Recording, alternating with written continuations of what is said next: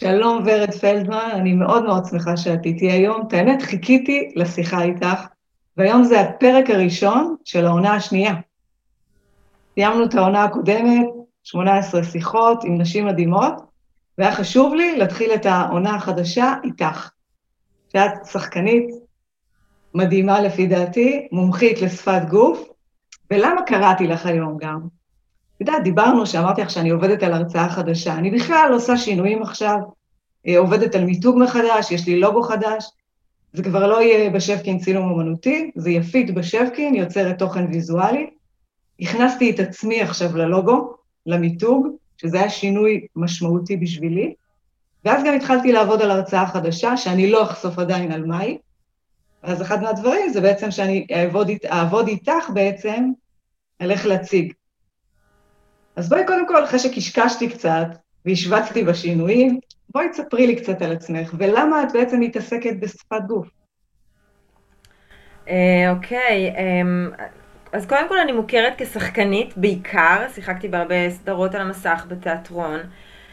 אה, אבל האמת היא שיש לי עוד כובע, אה, מומחית לשפת גוף. אמ, למה אני עושה את זה? איך הגעתי לעשות את זה? זה מה שאת בעצם שואלת?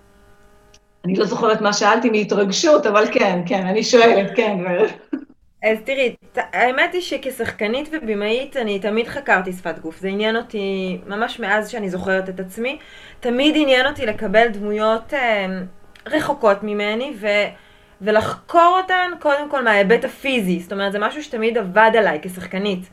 אה, ברגע שמצאתי את הפיזיות, אז היה לי הרבה יותר קל להשלים את כל התמונה. אה, אבל, אבל, אבל קרה לי איזה מקרה שחיבר אותי בצורה יותר גורלית לעולם הזה. אמ, עכשיו אני סקרנית, ספרי לי. כן. בגיל 30 אני, אני גיליתי את זהותו האמיתית של אבי הביולוגי, שאולי במקרה או לא במקרה הוא, הוא דוקטור לשפת גוף. אמ, דוקטור קובי אסף, ככה קוראים לו. ואני אספר בקצרה, אני, אה, אני גדלתי אה, כבת יחידה לאם חד-הורית, אמ, זה קשר חזק, סימביוטי כזה. ו, וכשאימא, כשאני הייתי בת 25, אימא שלי חלתה בסרטן. ובעצם אחרי כמה שנים מה שהכי פחדתי ממנו קרה, היא נפטרה. ובשבוע האחרון לחייה, איזה שבוע כזה ש... כולם באים להיפרד מהבן אדם, אוקיי, שהולך לעולמו בקרוב, ואחד מהאנשים שבאו להיפרד מאמא שלי היה איזה חבר עבר שלה. אמ, הוא דפק על הדלת שלנו, טוק טוק טוק, פתחתי לו את הדלת, זה סיפור אמיתי. הייתי יחפה, הייתי בבית שלי, הוא הסתכל על כפות הרגליים, הוא ככה התעכב טיפונת, ופשוט החליף צבעים, כאילו, כמעט התעלף. אני שייכתי את זה לעובדה שהוא הולך להיפרד מחברה שלו, זה היה נראה לי טבעי, אה, והוא נכנס לחדר של אמא שלי. כשהוא יצא מהחדר של אמא שלי, אז אה, הוא ניגש אליי בשקט, ואמר לי, חמודה, אני חושב שאני אבא שלך. עכשיו, אני הייתי בשוק. אמ, לא רק בגלל שזה דבר שמכניס אותך לשוק, אלא גם בגלל שהיה מישהו שאני חשבתי שהוא אבא שלי. זאת אומרת, הוא לא גידל אותי, כי זה היה מאוד מורכב בינינו, אבל היה מישהו, אני ידעתי, זה אבא שלי, אוקיי? אז אני כמובן הייתי מאוד מופתעת, ו... הבן אדם הזה מולי ממשיך ואומר לי, תקשיבי חמודה, אני דוקטור לשפת גוף, אני לא סתם חקרתי שפת גוף כל החיים שלי, תסמכי עליי. זה בשביל הרגע הזה. כן, בשביל הרגע הזה כנראה להסתכל לך על כפות, כפות הרגליים. ולזהות איזה גן משותף. עכשיו זה ברור שזה לא רק כף הרגל, כי הרבה אנשים אומרים לי, תראי את הכף רגל, תראי אותה, תראי אותה. ואז כשאני מראה את הכף רגל אומרים לי, או, סטנדרטית. אה, זה לא באמת כף הרגל בלבד, זה כאילו איזה מין סוג של אחיזת הגוף כולה שממש מתחילה באופן דריכה. Uh, אני חייבת להגיד שכילדה אף פעם, אני תמיד חיפשתי uh, סממנים פיזיים, אני הרגשתי שאני לא דומה לאף אחד, בטח לא לאימא שלי, אז ניסיתי, כאילו ניסיתי לעשות מין, את יודעת, לעבוד על המוח ולהגיד שאני כן דומה לאבא שלי, לזה שחשבתי שהוא אבא שלי, אבל ש... משהו בפיזיות הרגיש לי מאוד מנותק. היום, אם אנחנו, אם את תראי אותי ואת אבי הביולוגי, אז את, את תראי שיש תנועות מסוימות שהן ממש אלמנטריות, כמו לנגב את השיש, או לטאטא עם הטאטא, או לערבב את הכפית בקפה, שאנחנו עושים באופן זהה. עכשיו, בהמשך הסיפור, אז, אז באמת הסכמתי לעשות בדיקת אבהות. הטיימינג היה קיצוני מאוד, כי ממש באותו יום שעשינו את בדיקת ה-DNA, באותו יום אמא שלי הלכה לעולמה, בלילה. ובשבעה הגיעו התוצאות, ובאמת בישרו שהוא אבא שלי. זאת אומרת, איבדת אימא וקיבלת אבא. נכון, לגמרי, ובעצם ביום הזה שהגיעו התוצאות, השאלה הראשונה ששאלתי אותו הייתה, איך זיהית? מה ראית? ובעצם שם, שם התחיל הרומן שלי עם העולם הזה של שפת גוף המקצועי, כי אני הייתי חייבת להבין מה, מה, מה, מה, מה הוא ראה שם, ולא שמתי לב אפילו, ובעצם צללתי לתוך בית ספר. לא ידעתי שאני אעסוק בזה, ידעתי שאני מסוקרנת, וקצת הבנתי נורא מהר שהתמכרתי באיזשהו אופן, ואני חייבת להגיד, אני, תראי, אני לימדתי משחק הרבה שנים. לא שחקנים, אנשים שהם לא שחקנים, שלא רוצים להיות שחקנים, שרוצים לפצח משהו בעצמם, חלק אה, רצו לעבוד על הביטחון שלהם מול קהל, חלק רצו לעבוד, על, הרגישו שהם משהו תקוע מבפנים ובאו בשביל לשחרר איזה שריר, וכל פעם שנגמרה סדנת משחק, נשארתי עם תחושה שהייתה פה חוויה היסטרית, אבל חסר לי כלים לתת להם לדרך. וכשהתחלתי ללמוד שפת גוף בצורה מקצועית, הרגשתי ששם יש את המפתח. שזה מה שבעצם הייתי זקוקה לו כדי להשלים את התמונה. כי העולם הזה הוא לא רק מאוד מרתק, הוא גם, יש בו מפתחות שיכול, שיכולים לשנות חיים. וברמה של היומיום, ברמת ההישגים שלנו, התקשורת, את יודעת, ההגשמה האישית של כל אחד מאיתנו, וזאת הסיבה שאני מרגישה שאני עושה איזו שליחות, שיש לי, שיש איזה ייעוד כזה שאני מגשימה אותו דרך... זה הלמה. זה שתמיד אני תמיד פותחת את השיחות, אני שואלת, למה את עושה את מה שאת עושה? ויצא לי להקשיב לך להרצאה המדהימה שלך, תודה. שאני הבנתי, תספרי לי קצת, תכף גם תספרי לי קצת על ההרצאה, איפה את uh, מעבירה את ההרצאות, ואני רוצה להגיד לך שבאמת הייתי מרותקת במהלך כל ההרצאה, מה שלא קורה לי הרבה, קשה מאוד, במיוחד גם בזומים, uh, לצפות בהרצאות מההתחלה ועד הסוף. וצפיתי, ו- וזה פשוט ריתק אותי הנושא. וזה מעניין שאת אומרת שאבא שלך קודם כל הסתכל בעצם על הכפות רגליים, כי כשאני קראתי, יש לי, קראתי איזשהו ספר על שפת גוף, שקודם כל בעצם אנחנו מסתכלים, כשאנחנו מסתכלים על בן אדם, על העיניים ועל הפה. ואת אמרת שהוא הסתכל קודם על הכף רגל, אמרתי כאילו, למה הוא הסתכל לשם? תראי, כשאנחנו לומדים uh, לקרוא שפת גוף, לנתח, אז, אז הדבר הראשון שאנחנו מבינים בעצם, זה אחד הבייסיקים, זה שהמוח שלנו מורגל להסתכל לפנים. זאת מוסכמה, זאת ממש מוסכמה. דמייני שאני פוגשת אותך, מסתכלת לך לצוואר או לכתף, אז מוזר, זה או שיש לי הפרעה תקשורתית או שאני פוזלת. זאת אומרת, אנחנו מורגלים להסתכל על הפנים, לא רק על הפנים אגב, אנחנו מסתכלים זום אין לתוך הבעות הפנים. יש לזה הרבה סיבות. וכשאת לומדת בעצם לנתח שפת גוף, הדבר הראשון שאת מתרגלת אותו הוא בעצם גם להסתכל על הפנים כמו שאני רגילה, ותוך כדי שאני מסתכלת על הפנים לקלוט overall של כל הגוף. זאת אומרת שאנשים שהם מאוד מיומנים בדבר הזה, הם מצליחים לראות תנועות קטנות בזרת של הרגל, אוקיי? תוך כדי. זה לא בא על חשבון להסתכל על הפנים של הבן אדם. ואני חושבת שבגלל, זאת אומרת, בגלל שהוא מתעסק עם שפת גוף, הוא זיהה את זה, אחרת היינו מפספסים את הדבר הזה, היינו מפספסים את זה בקלות. מדהים, אני, אני שפת גוף, אה, מה שהרשים אותי גם זה הרצאה של אימי קאדי, של ה-fake it till you make it. אני מצטטת אותה הרבה בהרצאות שלי. אה, אני, אני בעיקר אוהבת את המחקרים שהיא עשתה, ואני מרגישה שהם עשו שינוי הם, היסטרי בעולם. אני, אני פשוט לא, לא מאמינה שרק ב-2009 היא עשתה את המחקר המהפכני שהיא עשתה, כי מבחינתי זה מחקר שהיה אמור להיעשות ב... בשנות ה-60. אה, אני מסכימה איתך, יש לה... היא, היא מצוינת. היא מצוינת. אני למשל חוקרת עכשיו את העולם, בגלל ההרצאה, את כל העולם של נושא של ראייה ופרספקטיבה. אני באמת קוראת המון אה, מחקרים והמון ניסויים שעושים בנושא של צילום. זאת אומרת, איך אנחנו מתרגלים? אני אתן עכשיו, כמו שאומרים, אני אחשוף דוגמה קטנה, שיכול להיות שהיא תיכנס להרצאה. לקחו קבוצה של צלמים לבית העלמין, בלי מצלמה, אמרו להם, קודם כל אנחנו רוצים שתחוו את האווירה של בית העלמין ותצפו, קודם כל תסתכלו עם העיניים. ממש, הם עשו שם סיור, ורק אחר כך נתנו להם את המצלמה, ואמרו, עכשיו תצלמו. זאת אמרו, קודם כל תסתכלו, אחר כך תצלמו. היום מה שקורה עם הדור החדש, עם הפלאפונים האלה, שזה ישר לקחת ולצלם, אין חשיבה לפני, אין הסתכלות, אין נוכחות. וזה מאוד מעניין לראות את זה. וזה נתתי טעימה קטנה ממה שהולך להיות, ככה, כמו שאומרים, זרקתי את זה, אבל באמת אני חושבת שבכל תחום צריך ממש אה, להתעמק בו ולראות קצת מאחורי הקלעים, את יודעת, מה קורה שם. וכשאני חוקרת את זה בתחום שלי, זה מאוד מאוד מעניין אותי.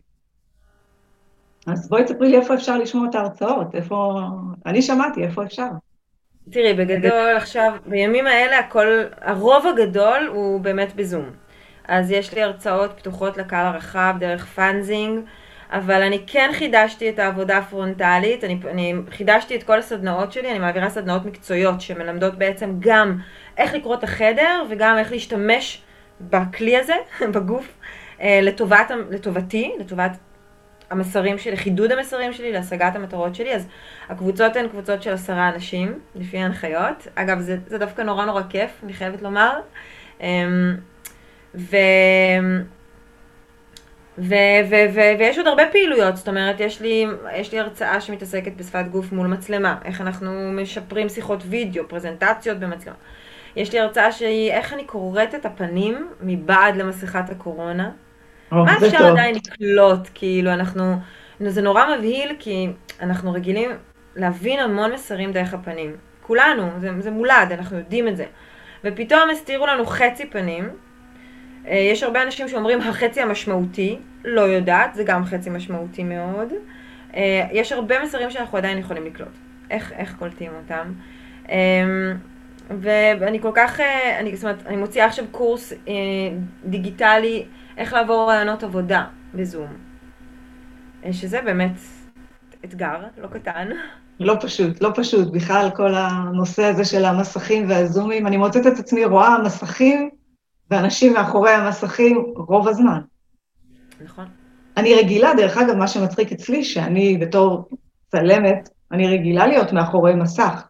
זאת אומרת, להיות בצד של העדשה, שאני צופה בך. אבל דווקא דרך המסך של המחשב, זה שונה לי. זאת אומרת, זה כן שינה לי. זה לא פשוט. יש לך טיפים לזה? כאילו, לכל הקטע של הזומים עכשיו, של איפה להסתכל, איך להסתכל, איך לשבת, ככה או ככה, כאילו מה, מה... שעתיים טיפים, משהו כזה. שעתיים שלוש שבי איתי וניתן לך, כאילו, כן, בטח, יש... אה, האמת היא שיש המון כלים לצלוח את המדיום הזה, ומי שאני עובדת איתו על זה, הוא, הוא, הוא מגיע למסקנה, מאוד מהר הוא מגיע למסקנה שזאת לא בהכרח פשרה, התקשורת הזו, זאת, זאת אלטרנטיבה אחרת, אחרת, לא טובה יותר, או תראי, אנחנו מפסידים, ברור לנו מה אנחנו מפסידים בתקשורת הזאת, לא לכולנו ברור מה אנחנו מרוויחים, חוץ מזמן, שזה ברור. יש פה, יש פה רווח שאפשר לקחת אותו, ויש הרבה אנשים שבסופו של דבר אומרים לי, אוקיי, זאת אלטרנטיבה, זאת אחלה אלטרנטיבה. ברגע שלמדתי אותה והשתפרתי בה, אוקיי? ואני לא שמה את, ה, את החוסר ביטחון שלי בפרונט. לי זה מאוד עזר, הווידאו כזה, אני זוכרת ששיתפתי אותך, ששוחחנו ועשינו גם זום, שהווידאו קאסט נוצר בכלל, הרעיון המקורי לא היה בכלל שאני אהיה בשיחות האלה, זה יהיה שאני אגיע בעצם לנשים שהן יספרו על עצמן, ואני כן. אצלם אותן במצלמה, ופתאום אמרתי, רגע, זה פתאום הרגיש לי נוח שראיתי את עצמי פתאום בזום. לא היה לי קל, גם היום לא, אני יכולה להגיד לך שאני משחקת עם העט לא מעט, כמו שאומרים מתחת לשולחן. אוקיי. Okay. ודווקא פתאום הווידאו קאסט נוצר בזכות הזומים האלה, שאמרתי, אוקיי, הנה, אני יכולה לראות את עצמי ועבדתי על זה, ואני זוכרת ההקלטות הראשונות של העונה הראשונה, אני הזעתי בטירוף. ועכשיו אמרו לי, לא ראו את זה בכלל, ואני כנראה, או שאני שחקנית טובה, ואולי בואי נבדוק את זה, נעשה איזושהי שיחה על זה, אבל אני פשוט הזעתי והתרגשתי, אני כל שיחה מתרגשת, אבל אני יודעת שזה בסדר להתרגש, זה נכון. אבל דווקא הזומים הביאו אותי לוידאו קאסט. למה את משחקת עם העט? לא יודעת, זה מרגיע אותי כנראה. זה מעניין, כי יש לנו הרבה את הנטייה הזאת להחזיק משהו, נכון? נכון. אז יש אנשים שמחזיקים עטים. יש, יש לי כמה, מה שבטוח, כי יום אחד באחד השיחות נפל לי עט, ונשארתי בלי, ואמרתי, אוקיי, מה אני עושה עכשיו? אז יש לי עוד עט. ואת מכירה את העניין הזה שמשחקים עם העט? שכאילו... לא, זה אני לא עושה. אוקיי? ויש כאלה שמחזיקים, שמחזיקים את הכיסא, שאוחזים בכיסא תוך כדי, זאת אומרת, המקום הזה של אחיזה, שאני חייב להחזיק משהו, אחרת אולי אני אפול, אוקיי? וגם יש את העניין הזה שהרבה מאיתנו, אני לא, אני לא אומרת, אני לא קוראת לזה היפראקטיביים, אני קוראת לזה קשה לנו להיות בישיבה ולא בדואינג, ואז בעצם הידיים שלנו שהן אחראיות על הדואינג, הן מתחילות לרצות לעשות משהו, אוקיי? אז להרגיע כאילו את הצורך הזה, להיות עדיין בישיבה. את יודעת מה שאני חושבת על זה תוך כדי שאת מדברת? אני רגילה, כמו שאמרתי, להיות מאחורי המצלמה, אני רגילה לקליק. יש לי שליטה עם הידיים כל הזמן. פה אין לי, אין לי את העבודה עם הידיים. כשאני מצלמה אז אני פעילה, פה אין לי. ואני זוכרת שגם בשיחות הראשונות לא שמתי לי מים ליד, כי אמרתי, מה, אני אשתה וזה, וחברה אמרה לי, תקשיבי, אה, שימי, דיברתי עם חברה, מיכל רום, חברה מדהימה, היא אמרה לי, שימי כוס. אמרתי לה, וואו, לא חשבתי. ואז אחרי איזה כמה שיחות היא אומרת לי, תקשיבי, תהיי בריאה, את שותה הרבה. אז זה נהיה כזה, אז מיכל, תודה שאמרת לי לשתות. אני אחרי הווידאו קאסטים, הקלטות רצה, כמו שאומרים לרוקן של פוכית. אבל אה, כי, כי הפה היה מתייבש לי גם מההתרגשות, ואמרתי, מה, אני אשתה, זה בסדר לשתות בשיחות, לא בסדר. ואז בהרצאות אני רואה אנשים אוכלים. ברור שזה בסדר לשתות, את יודעת, יש הבדל אם את שותה מכוס אה, שקופה, או נגיד מספל, אוקיי? הרמנו ביחד את הספל. אה, נכון. יופי. אז, נגיד לשתות מספל, השדר הוא שאנחנו ב... יושבות על קפה, אוקיי? לא כל, ה... לא כל המפגשים הם תואמים שדר כזה, יש מפגשים שהם הרבה יותר רשמיים, ואז עדיף לשתות מכוס שהיא יותר, את יודעת, שקופה עם מים, ש... יש שם שקיפות, כאילו, אני לא עכשיו אה, מרגישה איתך בנוח וקוזי בבית. כן. ואיך הרקע? מה לגבי רקע? אני למשל לא אוהבת גרינסקרין, שאנשים שמים פתאום הרי ההימאליה. פחות מתחבר אליי. אני חושבת שאני בעד טבעי, האנטיקות שלי, כן? כאילו פה. מה דעתך על זה? Uh, רקע וירטואלי הוא, הוא, בעיקר, uh, הוא בעיקר פתרון טוב למתי, לסיטואציות שאין לנו את, את התנאים לייצר רקע uh, אופטימלי. רקע הוא אחד הדברים הכי חשובים במפגשי וידאו. תביני שכשבן אדם, לוקחים, אני, אני אעשה לך את זה יותר ברור, לוקחים בן אדם או שמים לו עשר פגישות זום, אוקיי? לאחר מכן, באותו יום, לאחר מכן שואלים אותו, מראים לו את כל הפרצופים של האנשים שהוא פגש ואת כל הרקעים. שואלים אותו מה הוא זוכר, מי מהאנשים האלה היה איתו בפגישה, או איזה רקעים. הבן אדם יזכור את הרקע, הוא לא יזכור את הפנים. עד כדי כך וואו. השדר של, של הרקע, הוא, זה בעצם האינפורמציה הראשונה שבן אדם צורב. ולכן, כל אלה שמזלזלים ברקע ואומרים, זה מה יש, המחשב שלי פה, אז כדאי לעבוד בזה. אני גם מעדיפה תמיד את, המקצוע, את המציאותי. הרקע אה, וירטואלי הוא תמיד ישדר איזה סוג של הסתרה, כי אני לא רוצה שתראו מה באמת אה, מסתירה. ורקע מציאותי צריך אבל כן לעבוד בו, צריך כן לתת את הדעת, לא פחות מלבחור מה אני לובשת, אוקיי? זה, זה אפילו, במפגשי וידאו זה אפילו לפני שמבחינים במה את לובשת, מבחינים ברקע שלך. ויש פה הזדמנות לספר על עצמי משהו, ולהזמין לאיזה אופי של מפגש, לייצר אווירה. מישהי גם אמרה לי, שגם השתתפה דוקטור מיכל הרשמן שטרית, שהיא מומחית לרטוריקה ותקשורת המונים, אז היא אמרה שהיא ממליצה אפילו גם להתבשם לפני שעולים לזום. זה מצחיק. את יודעת, שאלו אותי לפני כמה ימים, היה לי וויבינר גדול. ואז שאלו אותי בסוף, תגידי, מה, מה אצלך עוזר לך כאילו לשים את עצמך על און? כי אני אומרת שכל אחד צריך את הכפתור שלו. אז אני שיתפתי ואמרתי, אני צריכה לעשות שני דברים מאוד מוזרים קצת. אחד, זה לשים בושם, והשני זה לצחצח שיניים. לא יודע, אבל ואז אמרתי, זה לא כל כך רלוונטי מה הדבר, כל עוד יש לך את הדבר, שאתה יודע ש... ואז גם הרבה שיתפו שהם שמות עקבים במפגשי זום, אוקיי? אה, כאילו כל אחד באמת יש לו את, ה... את ההרגל הזה, שמבחינתו, את יודעת, שם אותי על און. אני מתלבשת אה, רגיל, כאילו אני באמת יוצאת לפגישה, זאת אומרת, היא נכנס אה, והכול, זאת אומרת, אין לי... אבל עכשיו שאמרת לרקע, שאני חושבת על זה, אז נראה לי שבזום אני פשוט אצלם את עצמי, ואני אשים תמונה ברקע שלי, מה שבטוח, ש... שיזכרו את הדברים. אבל גם שמתי לב, אני שאמרו שאם נוגעים בעיניים או באף, אז הרבה פעמים פתאום מגרד לי ואני מפחדת לגעת, כאילו שלא... את שמה לב שאני לא מגבילה את עצמי? קודם נגעתי באף, שמת לב? ראיתי, ובשיער גם את משחקת, אני רואה. אני משחקת בשיער כי לא אספתי אותו.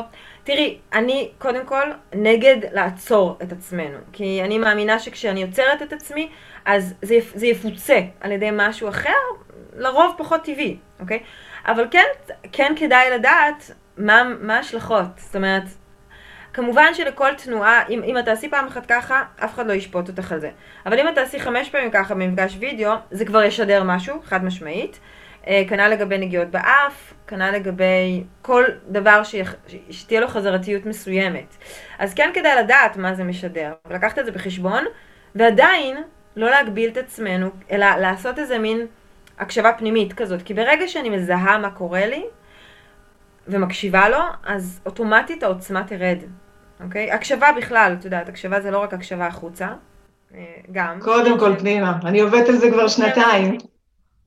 את יודעת ששמתי לב שככל שאני מקשיבה פנימית לעצמי יותר, גם ההקשבה החיצונית שלי יותר טובה.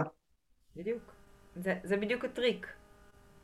זה מדהים, זאת אומרת, אני, אני רואה שאני מתחילה כל בוקר עם מדיטציה, ואז אני עוברת לכתיבה האינטואיטיבית שאני שותה את התה, והמון הקשבה פנימית, המון מנטרות חיוביות, וזה פשוט מדהים, זאת אומרת, השינוי שזה עשה לי, פתאום ההקשבה הזאת, על לעצור ולעשות כמה פאוזות ביום ולהגיד, זה עכשיו הזמן שלי. הבעיה אצלי שאני יושבת בזמנים כאלה שאני לא עושה כלום, זמנים מתים, עולים לי מיליון רעיונות. יש לי תמיד איזה דף ועט ליד, אז אני כל הזמן כותבת, כותבת, ואז יש לי מיזם פה, יש לי את זה, יש לי את זה, אבל ככה אני יוצרת, כי אני בן אדם יוצר. אני, כל הזמן הראש אצלי חושב. לפעמים יש מצב שזה כמו חוטים כאלה שהסתבכו, יש לי ימים שאני אומרת, אוקיי, אני צריכה לעשות אה, סרטון כזה וכזה, אבל מה? ואז פתאום אני מרגישה שהכל כזה קשור שם. אז אני יושבת ככה עם עצמי, מאזינה לציוץ הציפורים, וזה משתחרר, וזה עובד הכי טוב, אבל הקשבה פנימית קודם כל. נכון? וזהו, את יודעת, הסתיימו לנו 20 דקות, הזמן טס, יכולתי להמשיך איתך עוד. את רוצה אפשר, אבל... שמתי לב שאחוז ההאזנה, שזה 20 דקות, הוא הרבה יותר גבוה, אם אני מגיעה לחצי שעה או 40 דקות. זה תמיד... אה, כן. כמו שאני לא נעייף את כולם, אבל לפחות יכולנו להראות ויזואלית, לא הסתובבתי עם הכיסא ולא... נכון. אבל התלבשתי בסדר, נכון? בשביל ה... בסדר גמור. טוב, הזהרתי אותך שאת תהיי חייבת לפרגן, את יודעת, כמו ששוחחנו על זה לפני ההקלטה. אז היה לי כיף איתך. גם לי. ואנחנו נרשום בסוף איפה אפשר אה, לשמוע אותך בהרצאות, ואיך אפשר ליצור איתך קשר, מי שרוצה בעצם אה, לעבור איתך הכשרה כמוני על שפת גוף לפני הרצאה, ובכלל, סדנה וכל דבר. ואת מדהימה, ותודה רבה. תודה גם לך, היה לי כיף. היה לי כיף.